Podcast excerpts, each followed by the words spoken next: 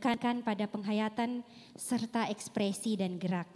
Di atas semua itu, kiranya hati kita terarah sungguh hanya kepada Tuhan yang mengundang kita di dalam ibadah ini.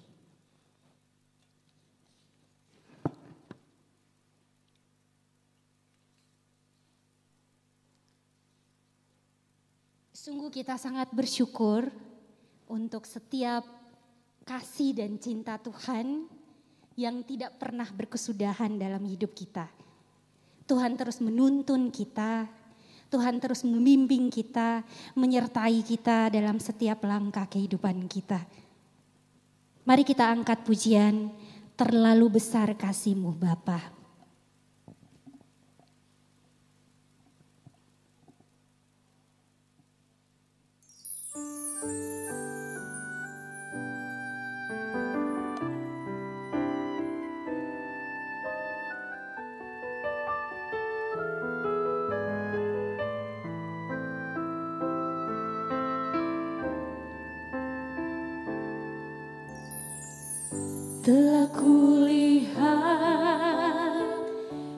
Bukti kasihmu.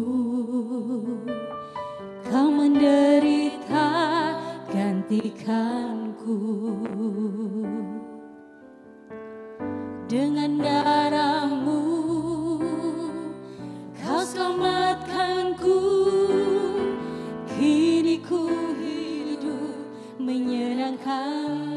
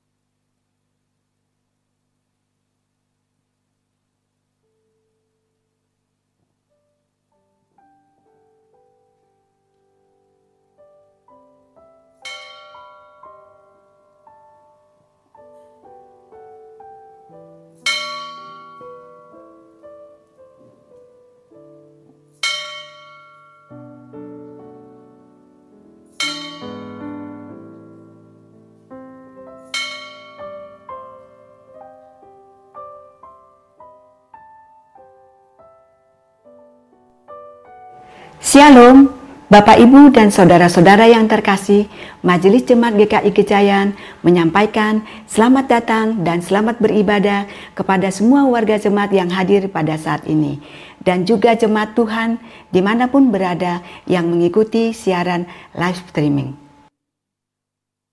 Mari kita mempersiapkan diri dan hati kita untuk mengikuti ibadah pada hari ini. Saat ini kami mohon perhatian untuk menyampaikan beberapa hal sebagai berikut. Majelis jemaat mohon maaf belum bisa mengadakan ibadah seperti dahulu sebelum pandemi. Ibadah tatap muka hari ini dilaksanakan dengan undangan terbatas dan reservasi dengan jadwal yang sudah ditentukan. Oleh karena itu, jemaat dimohon untuk memperhatikan jadwal reservasi ibadah. Jemaat yang beribadah onsite di GKI Gejayan dan The Grace GKI Gejayan selama pandemi COVID-19 ini wajib menggunakan masker dan face shield selama ibadah. Aktivitas gereja yang ada masih dilaksanakan secara online. Kelas SOD School of Discipleship dengan tema Bapa, Anak, dan Roh Kudus dengan pembicara Ibu Erni Kusuma. Akan dilaksanakan pada hari Selasa 18 Agustus 2020 pukul 6 sore via Zoom. Kelas ini terbuka untuk jemaat umum. Bagi yang akan mengikuti dapat menghubungi kantor gereja. Kelas pembinaan pranika akan dilaksanakan selama tiga kali, yaitu pada hari Sabtu 5 September, 12 September, dan 19 September 2020 pukul 5 sore. Saudara yang akan mengikuti kelas pembinaan pranika ini, mohon untuk dapat mendaftarkan diri ke kantor gereja pada setiap jam kerja melalui nomor telepon kantor ataupun nomor WA kantor gereja. Katekisasi kelas baru akan dimulai setiap hari Senin mulai Senin 7 September 2020 pukul 5 sore dengan pembimbing Pendeta Paulus Lee dan Saudari Ariesta. Pendaftaran ke kantor gereja pada setiap jam kerja melalui nomor telepon kantor ataupun nomor WA kantor gereja. Sakramen baptisan khusus untuk baptis dewasa dan sidi akan dilaksanakan pada hari Sabtu 24 Oktober 2020 pukul 4 sore. Pendaftaran dibuka sampai dengan tanggal 20 September 2020. Jika calon peserta baptis dewasa dan sidi yang mendaftar lebih dari 30 orang, maka untuk pelaksanaan sakramen baptis dewasa dan sidi dilakukan secara bertahap yaitu pada hari Sabtu 24 Oktober 2020 dan Sabtu 31 Oktober 2020. Pendaftaran di kantor gereja pada setiap jam kerja. Jemaat dimohon memberikan persembahan secara non-tunai baik melalui transfer ataupun scan barcode QRIS. Bagi jemaat yang ada di ruang ibadah, dapat scan barcode QRIS yang tertempel di bangku ibadah. Nomor rekening dan barcode QRIS dapat dilihat pada slide berikut ini.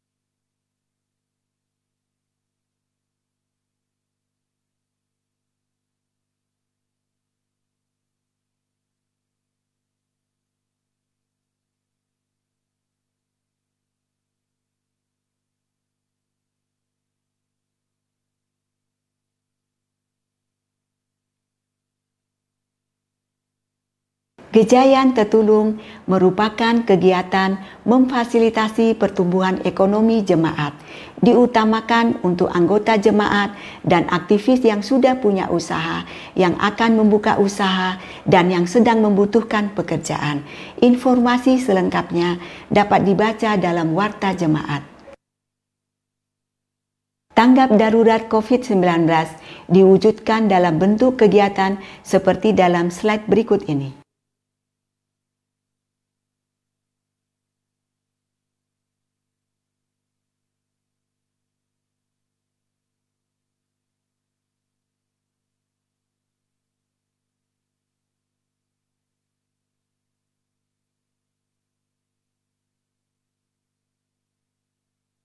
Apabila Bapak, Ibu, dan Saudara membutuhkan informasi lebih lanjut, dapat menghubungi Saudara Esol di nomor berikut ini. Kami menantikan partisipasi Bapak, Ibu, Saudara sekalian. Setelah ibadah selesai, jemaat dimohon keluar secara teratur dengan mengikuti arahan dari petugas di lapangan sambil tetap menjaga jarak. Ibadah pada hari ini dengan tema kasih lintas batas dengan pelayan firman Pendeta Adi S. Patriabara dari Lembaga Pembinaan dan Pengadiran Sinode GKJ dan GKI Sinode Wilayah Jawa Tengah. Mari Bapak Ibu Saudara kita masuk saat teduh.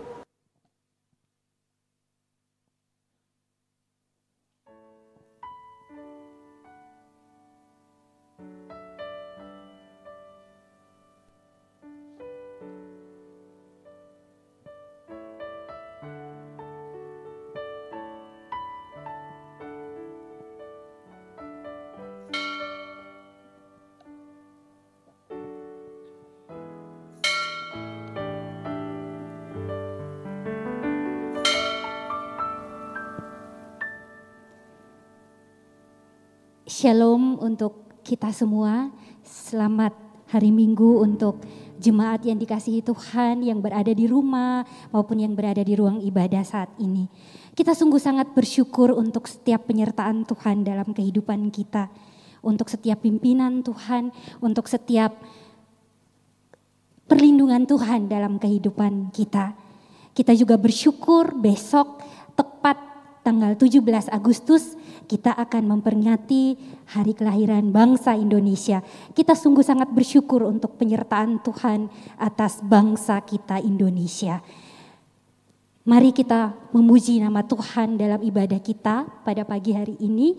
Kita akan menyiapkan hati dan pikiran kita untuk memulai ibadah kita dengan menaikkan pujian Bila Kulihat Bintang Gemerlapan sambil mengikuti gerakan.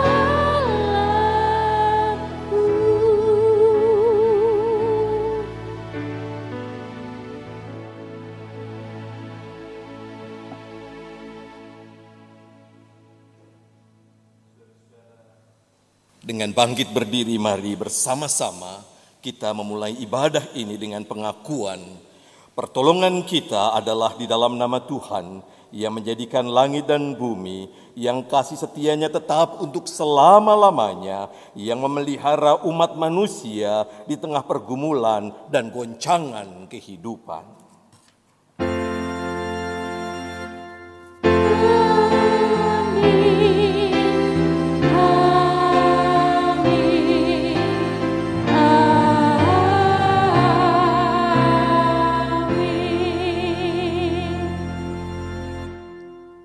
Salam bagi saudara yang datang dalam nama Tuhan, Tuhan besertamu.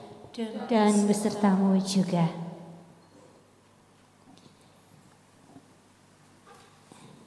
Jemaat yang dikasihi oleh Tuhan, kita akan datang kepada Tuhan untuk mengaku segala dosa dan kesalahan kita yang kita telah perbuat seminggu yang telah lewat. Ada banyak hal yang kita lakukan yang telah menyakiti hati Tuhan, menyakiti sesama kita. Untuk itu, mari kita datang kepada Tuhan untuk memohon pengampunan dosa. Mari kita berdoa. Bapa yang baik, Bapa yang penuh kasih. Pada saat yang indah ini, pada pagi ini, kami datang kembali ke hadiratmu untuk mengucap syukur atas setiap berkat penyertaan Tuhan yang tidak pernah berkesudahan atas kehidupan kami.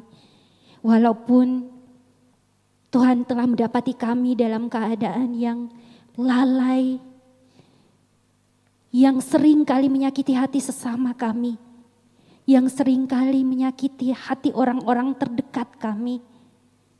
Tetapi Tuhan tidak membalaskan itu semua kepada kami. Tuhan terus mengasihi kami. Tuhan terus menyayangi kami, memimpin kami, bahkan terus memberkati kami. Terima kasih Tuhan untuk kasih-Mu yang begitu nyata dalam kehidupan kami. Kami terus memohon pimpinan penyertaan Tuhan dalam hidup kami, untuk kami terus belajar melakukan apa yang Tuhan kehendaki dalam hidup kami. Kami mohon Pimpin kami terus Bapa.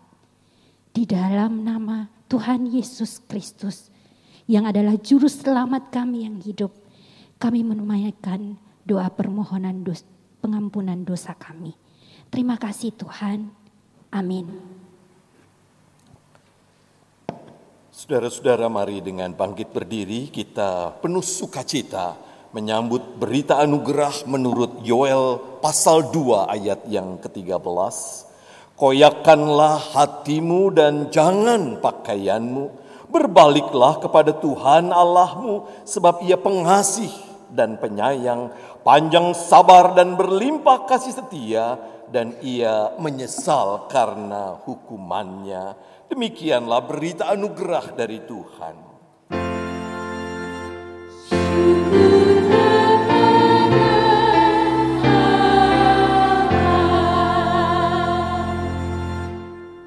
Tangan Yesus kita akan merasakan aman dalam pelukannya. Kita pujikan selamat di tangan Yesus. tentram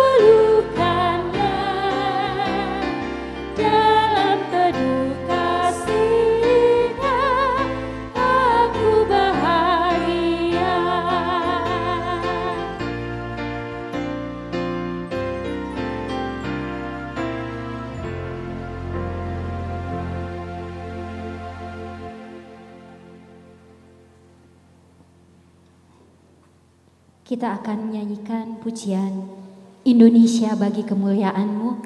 Kita mempersiapkan menerima firman Tuhan.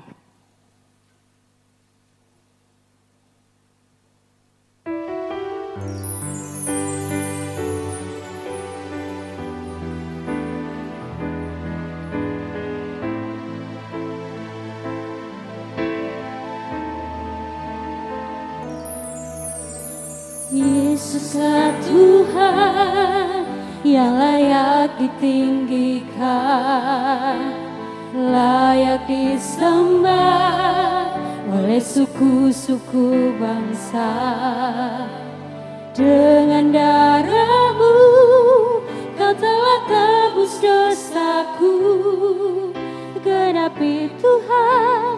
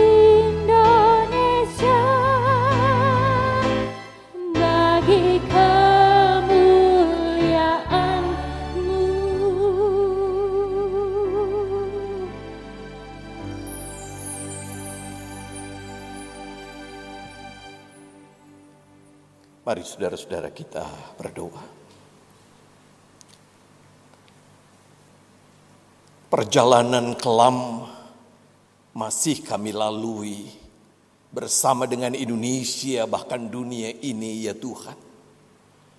Tetapi kami percaya sebagaimana Engkau memberkati Indonesia dengan kemerdekaan. Engkau juga akan membebaskan, melepaskan kami dari kelamnya kehidupan. Dan itu sebabnya kami mau berjalan bersama dengan Engkau. Tuntun kami ya Bapa. Dan kiranya oleh tuntunan kasih-Mu kami tidak tersesat. Kami berjalan di jalan yang benar menuju padang rumput yang hijau. Ya Bapa, itu sebabnya kami mau belajar dari firman-Mu. Kiranya lewat firman-Mu kami boleh keluar dari ego sektoral kami, mengasihi lintas batas, agar kami bersama-sama dengan Indonesia mengatasi kehidupan yang sulit karena kami percaya Tuhan beserta kami. Curahkan roh kudusmu bagi kami. Kami siap belajar dari firmanmu. Kami siap menghidupi firman-Mu di dalam nama Tuhan kami Yesus Kristus, Sang Firman yang hidup. Kami berdoa serta memohon. Amin.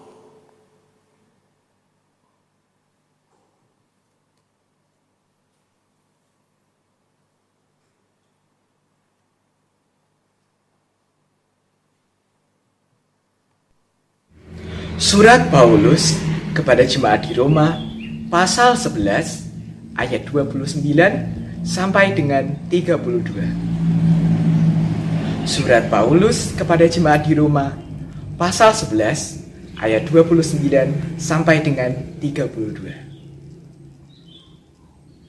Sebab Allah tidak menyesali kasih karunia dan panggilannya. Sebab sama seperti kamu dahulu, tidak taat kepada Allah, tetapi sekarang beroleh kemurahan oleh ketidaktaatan mereka.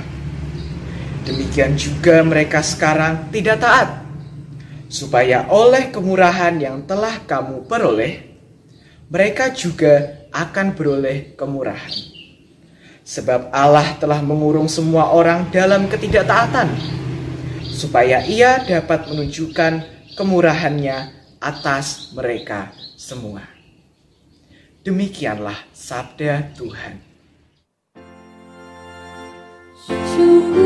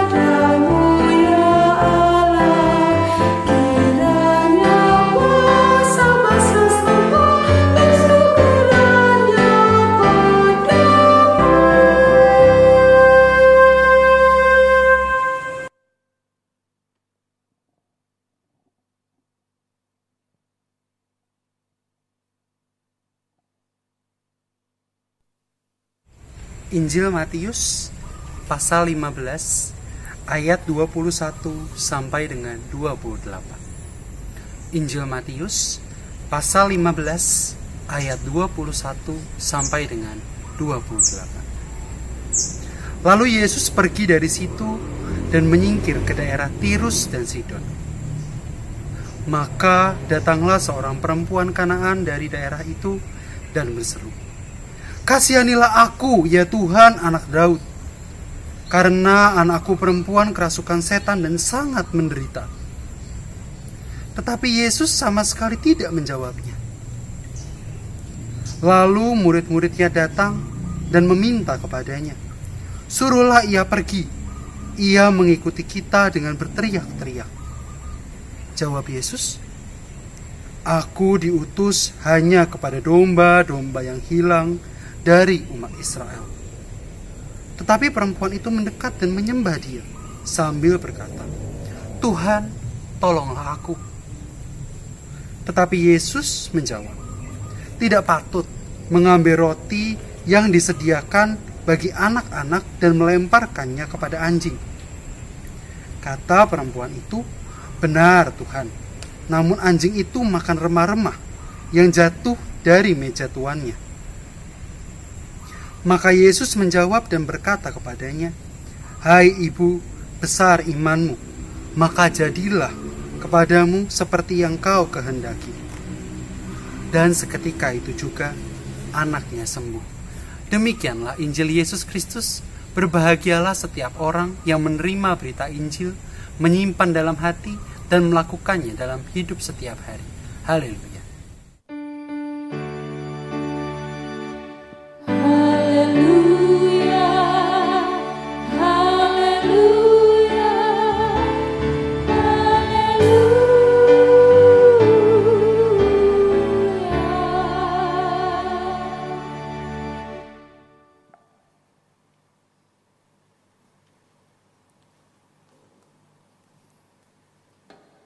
Diberkati untuk menjadi berkat. Mungkin kita pernah mendengar ungkapan itu. Mari sedikit kita dalami ungkapan ini. Diberkati untuk menjadi berkat. Siapa yang diberkati? Ada yang menjawab, kita orang-orang Kristen menjadi berkat bagi siapa? Mereka orang-orang yang belum Kristen. Saudara-saudara, pemahaman ini membuat orang Kristen sering kali bersikap arogan, sombong rohani, kesombongan yang menciptakan sikap diskriminatif, membeda-bedakan orang. Tentu istilah ini tidak sepenuhnya salah. Kita bisa memahami dengan mengatakan bahwa semua orang diberkati Tuhan dalam bentuk dan cara yang berbeda-beda. Menjadi berkat dengan demikian adalah bersama-sama membangun persatuan dalam perbedaan. Besok kita akan merayakan kemerdekaan. Kita bisa mengatakan melalui ungkapan itu Indonesia diberkati oleh Tuhan dalam keragaman menjadi berkat. Itu berarti kita semua mengeluarkan kemampuan potensi karunia untuk membangun Indonesia yang lebih baik. Pemahaman ini penting saudara-saudara oleh sebab gereja kerap kali juga jatuh dalam sikap diskriminatif. Sejarah mencatat gereja pernah memiliki pemahaman ekstra eklesiam nula salus di luar gereja tidak ada keselamatan. Kelihatannya benar. Tetapi saudara perhatikan Alkitab. Alkitab mengatakan apa? Bukan di luar gereja tetapi di luar Kristus. Bahkan kalau kita dalami lebih lanjut pernyataan ini membuat kita bertanya, lalu gereja mana yang dimaksud? Apakah semua gereja atau gereja tertentu? Mungkin saudara-saudara pernah tahu bahwa gereja Protestan pada awal terbentuknya pernah disebut dengan terkutuk. Artinya di antara kita pun, di antara gereja-gereja sekalipun, sering kali ada pemahaman yang merendahkan. Ada kisah yang dituturkan Anthony de Mello, seorang teolog cerita tentang pengalaman Mahatma Gandhi ketika menjadi mahasiswa di Afrika Selatan. Gandhi amat menaruh minat pada Alkitab, khususnya khotbah di bukit. Ia menjadi yakin bahwa agama Kristen menjadi jawaban atas sistem kasta yang mengganggu India selama berabad-abad dan ia mempertimbangkan dengan sungguh-sungguh untuk menjadi Kristen. Pada suatu hari ia memutuskan pergi ke gereja untuk mengikuti ibadah. Ia dihentikan di pintu masuk dan oleh Aser penerima tamu ia diberitahu tempatnya beribadah untuk orang berkulit berwarna di seberang sana. Ia pergi dari gereja dan tidak pernah kembali lagi. Itu sebabnya saudara-saudara refleksi yang kita temukan dalam bacaan Injil hari ini menjadi menarik. Pada ayat 26 kita membaca ungkapan Yesus yang terdengar diskriminatif. Yesus mengatakan tidak patut mengambil roti yang disediakan bagi anak-anak dan melemparkannya kepada anjing. Mengapa Yesus mengucapkan kalimat yang kasar seperti ini? Untuk menjawab pertanyaan ini, saudara-saudara, kita perlu memerhatikan konteks pada waktu itu. Pada waktu itu, orang Yahudi memandang rendah orang dari ras atau suku lain, bahkan agama lain. Disebutkan perempuan itu adalah perempuan Kanaan. Terhadap orang Kanaan kita bisa menggali akar panjang yang menyebabkan kebencian orang Yahudi atas orang Kanaan. Secara ringkas kita bisa melihat bahwa dalam Alkitab diceritakan orang Kanaan berasal dari Ham, anak Nuh. Anak Nuh ada tiga, Sem, Ham, dan Yafet. Ham dikutuk oleh Nuh karena melihat Nuh telanjang namun membicarakannya bukan menutupi aib ayahnya. Nuh mengatakan dalam kejadian 9 ayat yang ke-25. Terkutuklah Kanaan. Hendaklah ia menjadi hamba yang paling hina bagi saudara-saudaranya. Bahkan dalam peristiwa perjalanan masuk ke tanah perjanjian. Tuhan sendiri akan Eh, Tuhan sendiri mengatakan akan melenyapkan Kanaan. Keluaran 23 ayat 23 mengatakan sebab malaikatku akan berjalan di depanmu dan membawa engkau kepada orang Amori, orang Het, orang Feris, orang Kanaan, orang Hewi dan orang Yebus dan perhatikan baik, aku akan melenyapkan mereka. Atas dasar itu saudara-saudara orang Kanaan dipandang rendah. Karena merasa diri unggul, orang Yahudi menyebut dirinya anak. Sedangkan orang di luar Yahudi termasuk Kanaan disebut dengan anjing. Melalui ungkapan itu terlihat ada konsep pemahaman yang menghina, merendahkan. Dan pemahaman inilah yang dipakai Yesus ketika ia mengatakan tidak patut mengambil roti yang disediakan bagi anak-anak dan melemparkannya kepada anjing. Yang menarik saudara-saudara, perempuan itu tidak tersinggung. Bahkan dengan cerdik dan rendah hati perempuan itu seolah menantang konsep pemahaman Yahudi sebagaimana yang diucapkan Yesus dengan mengatakan benar Tuhan. Namun anjing itu makan remah-remah yang jatuh dari meja tuan. Setidaknya ada dua pemahaman yang bisa kita pelajari dari perkataan perempuan Kanaan itu. Yang pertama, Anak-anak sering kali tidak menghargai roti. Remah-remah yang jatuh menunjukkan cara makan anak-anak yang tidak memerhatikan tata cara makan yang baik, table manner istilahnya, sehingga mereka menjatuhkan roti. Artinya orang Yahudi sering kali tidak menghargai roti anugerah yang berharga itu tidak menghargai diri mereka adalah bangsa pilihan Allah. Pada bagian ini saudara-saudara kita bisa berefleksi. Berapa banyak di antara kita yang tidak menghargai anugerah Allah yang luar biasa. Bukankah sampai saat ini kita masih sehat-sehat saja? Bukankah sampai saat ini ekonomi masih berjalan sekalipun lebih berat? Bukankah sampai saat ini gereja kita masih bisa kita dengarkan firmannya? Saudara-saudara, banyak orang Kristen mengatakan, oh saya yang penting sudah dibaptis, santai aja. Yang pasti saya akan diselamatkan. Kita tidak sadar bahwa anugerah Allah adalah anugerah yang mahal. Sampai-sampai Yesus mati di atas kayu salib. Yang kedua, saudara-saudara, anjing kita bayangkan setia menanti jatuhnya remah-remah roti. Artinya sekalipun tahu bahwa dirinya bukan bagian dari bangsa pilihan Allah, perempuan itu percaya orang bukan Yahudi juga akan mendapatkan berkat. Itu sebabnya ia menanti.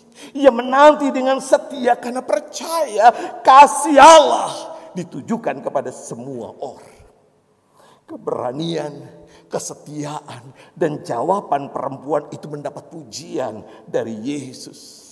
Yesus berkata, "Hai ibu, besar imanmu, maka jadilah kepadamu seperti yang kau kehendaki." Apa yang besar, saudara-saudara? Iman. Mungkin kita mengatakan, oh bukankah dia bukan orang Yahudi? Bukankah ia belum beragama Yahudi kalau bahasa kita sekarang?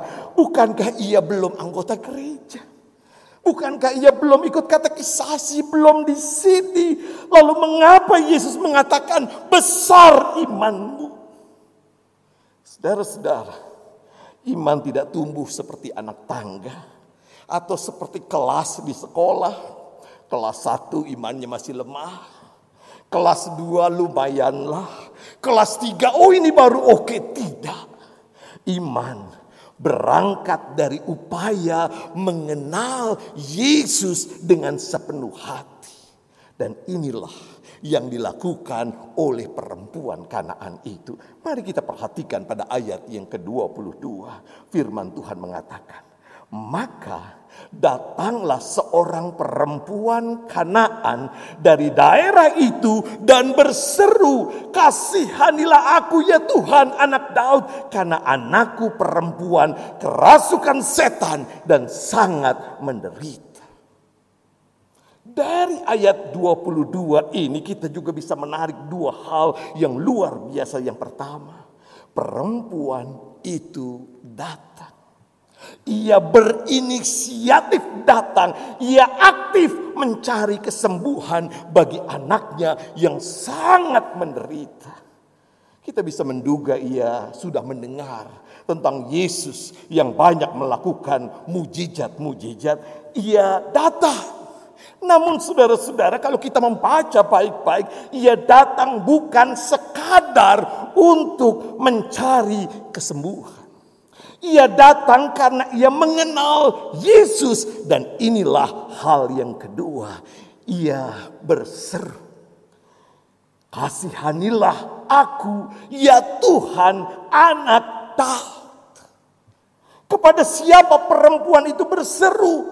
Tuhan. Ia percaya bahwa Yesus adalah Tuhan. Saudara-saudara kita tahu sampai hari ini ada banyak orang Yahudi tidak percaya pada Yesus.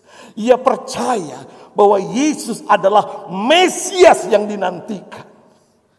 Sebutan anak Daud penting dalam Injil Matius dan menjadi Mesias yang diharapkan orang-orang Yahudi dari keturunan Daud. Itu sebabnya Injil Matius dimulai dengan silsilah yang menegaskan bahwa Mesias adalah keturunan Daud. Itu berarti Yesus menyebut iman perempuan itu besar karena pengakuan yang disampaikan perempuan Kanaan tentang siapa Yesus. Pengenalan akan Yesus membuat perempuan itu menghargai Yesus dan menyebutnya Tuhan. Saudara-saudara, berapa banyak di antara kita yang betul-betul menghargai Yesus? Atau kita menghargai saat kita mengalami kesulitan? Berapa banyak di antara kita yang lebih takut pada manusia yang kelihatan daripada Allah di dalam Yesus Kristus melalui Roh Kudus. Saudaraku, Kisah ini mengajak kita keluar dari paradigma yang kerap membatasi hidup kita. Inilah cara berpikir kasih, cara berpikir cinta kasih selalu melintasi batas. Saudara tidak bisa dibatasi untuk mencintai siapa pun bukan. Saudara bisa jadi keturunan Jawa, tetapi begitu melihat orang Papua di GKI Gejayan, saudara bisa jatuh cinta dan sebaliknya. Seperti saya orang Jawa yang jatuh cinta pada orang Batak istri saya. Saudara lihat, cinta itu selalu melintasi batas. Orang Yahudi diajak untuk berpikir cinta kasih hingga mereka melompati, melintasi batas hingga mampu mengasihi bangsa lain. Perempuan Kanaan diajak untuk berpikir cinta kasih sehingga ia mampu mengasihi Yesus lintas batas dan mengakui Yesus adalah Mesias. Di masa-masa sulit semacam ini, saudara-saudara, model berpikir kasih yang lintas batas inilah yang kita butuhkan. Kita keluar dari ego kita. Saya tahu, saudara-saudara, hampir kebanyakan kita tidak suka pakai masker. Tetapi saya pakai masker agar orang lain tidak tertular.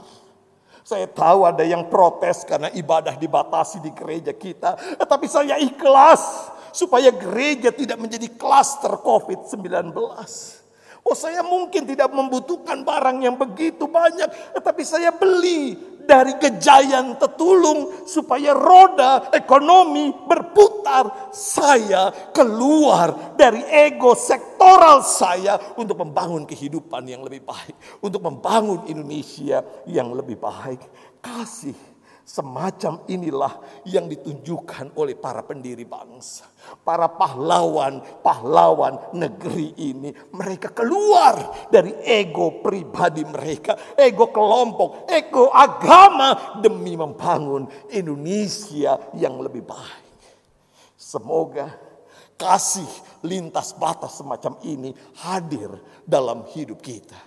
Merdeka, Tuhan mencintai kita. Amin.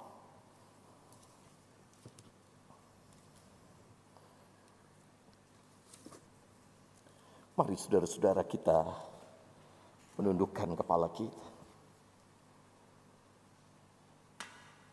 Cobalah kita hayati. Apakah cinta kasih kita sudah melintasi, meloncati ego kita?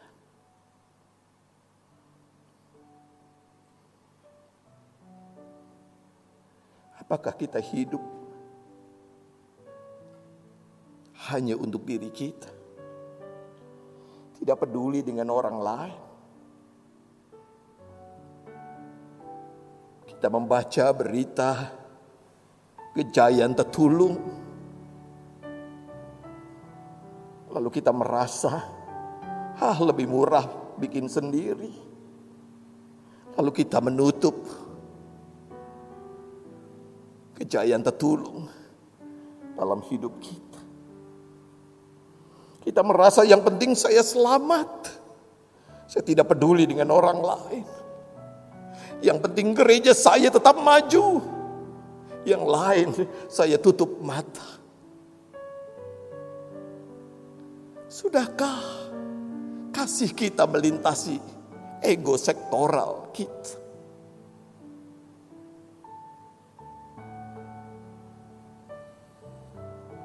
Bapak yang baik. Kami datang kepadamu. Di tengah-tengah kekelaman karena pandemi COVID-19. Dan lihatlah ya Tuhan. Ada begitu banyak orang yang semakin egois. Di awal pandemi.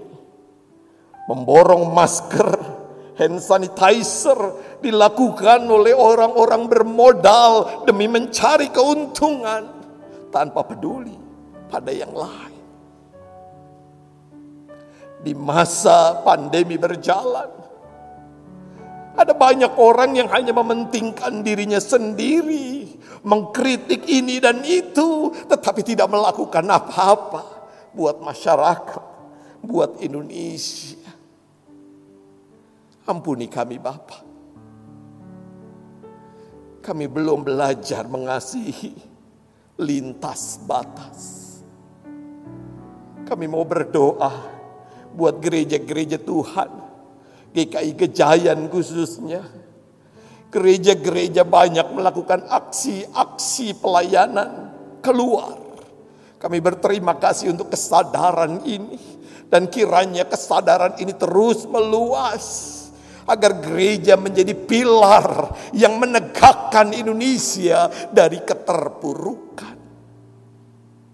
Tuhan berkati program-program gereja kami. Kiranya melalui program-program gereja ada banyak orang yang merasakan tangan Tuhan yang terulur yang memberikan roti dan memberi kehidupan. Kami mau berdoa untuk para hamba-hamba Tuhan.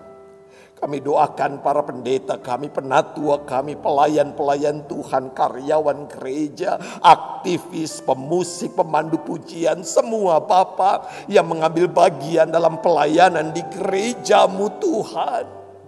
Tolonglah kami, agar kami melayani dengan hati, dalam semangat cinta dan persahabatan.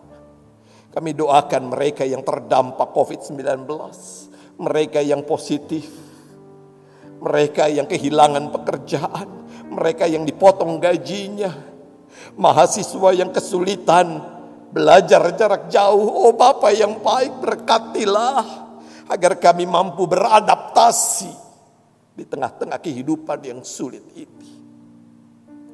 Kami doakan pemimpin bangsa kami, pemerintah kami yang saat ini sedang merayakan kemerdekaan negeri ini agar mereka juga dimerdekakan dari ego sektoral. Pemimpin-pemimpin bangsa boleh bersama-sama membangun Indonesia. Kami doakan para dokter, perawat, tenaga medis, berkatilah Bapak agar mereka mampu mengerjakan tugas panggilannya dengan baik dan bertanggung jawab. Kami doakan dunia ini, ya Bapa, kiranya boleh menjadi dunia yang nyaman. Berkatilah pemimpin-pemimpin dunia agar bersikap rendah hati, menjaga rakyatnya dari berbagai macam deraan kehidupan. Inilah doa kami yang jauh dari sempurna, yang kami panjatkan karena kami mengenal Tuhan yang baik di dalam Yesus Kristus yang telah menolong kami, menuntun kami dulu, sekarang, dan sampai selama-lamanya. Amin.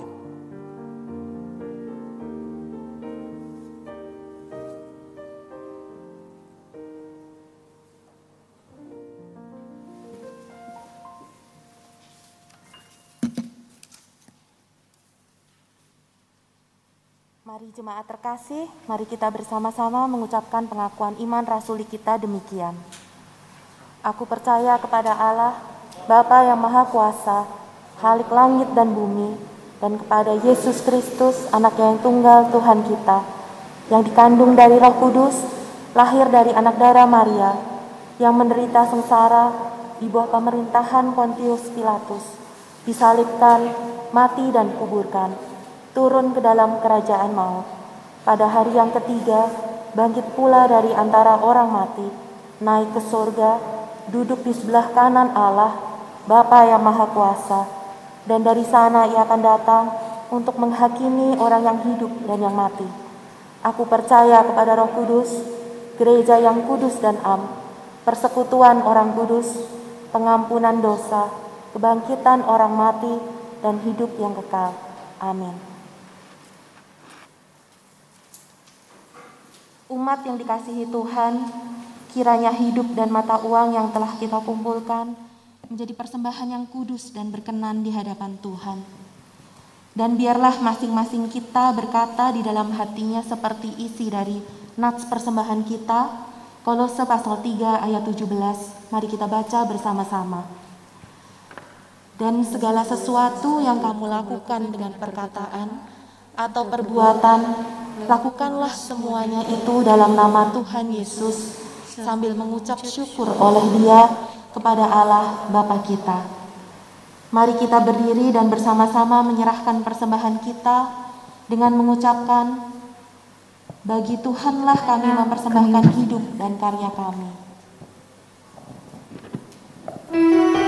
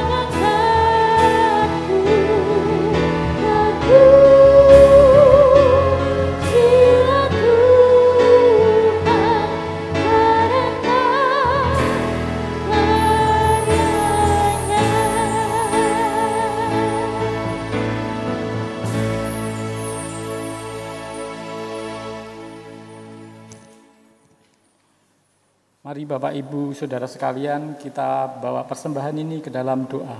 Mari kita berdoa. Ya Allah yang Maha Mulia, kiranya hidup kami seutuhnya menjadi persembahan yang menyenangkan hati Tuhan. Kuduskanlah kami, supaya kami hidup kudus bagimu. Lingkupilah kami dengan kemuliaan-Mu, agar kami hidup memuliakan Tuhan saja. Amin.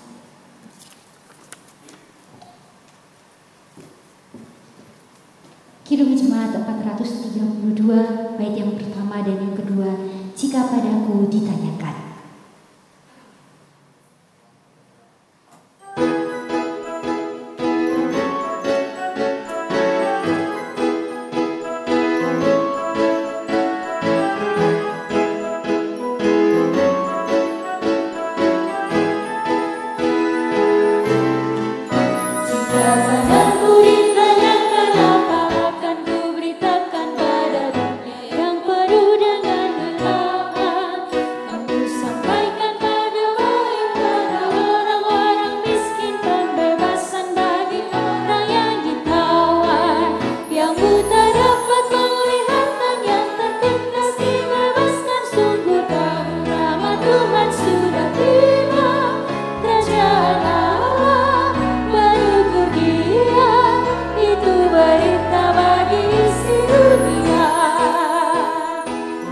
menyaksikan baiknya yang kedua.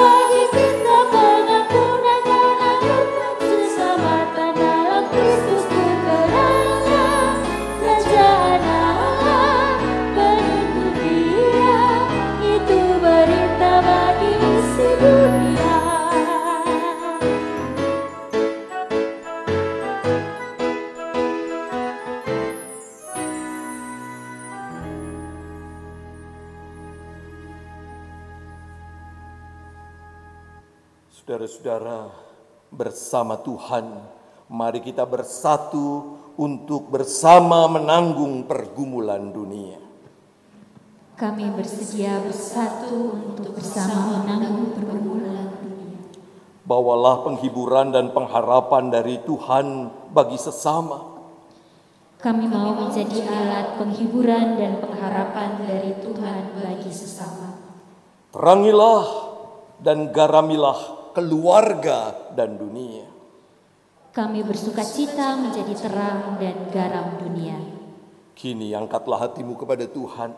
Terimalah berkat Tuhan yang menguatkan dan meneguhkan saudara. Kasih setia Allah Bapa yang selalu baru setiap hari. Besar kesetiaannya. Kasih Yesus Kristus Sang Anak yang rela berkorban di atas kayu salib demi umat manusia dan kuasa Roh Kudus yang membarui, memberi semangat ada pada setiap saudara yang belajar mengasihi lintas batas sekarang dan sampai selama-lamanya. Amin.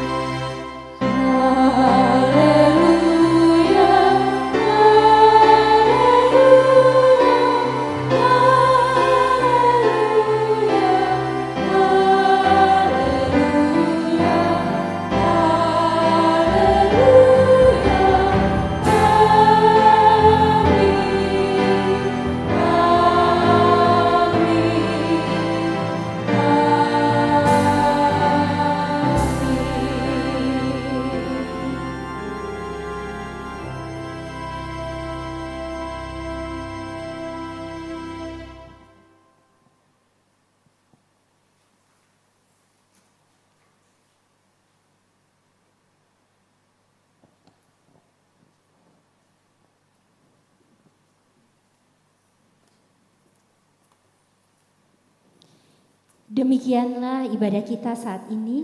Selamat melanjutkan ibadah dalam keseharian kita.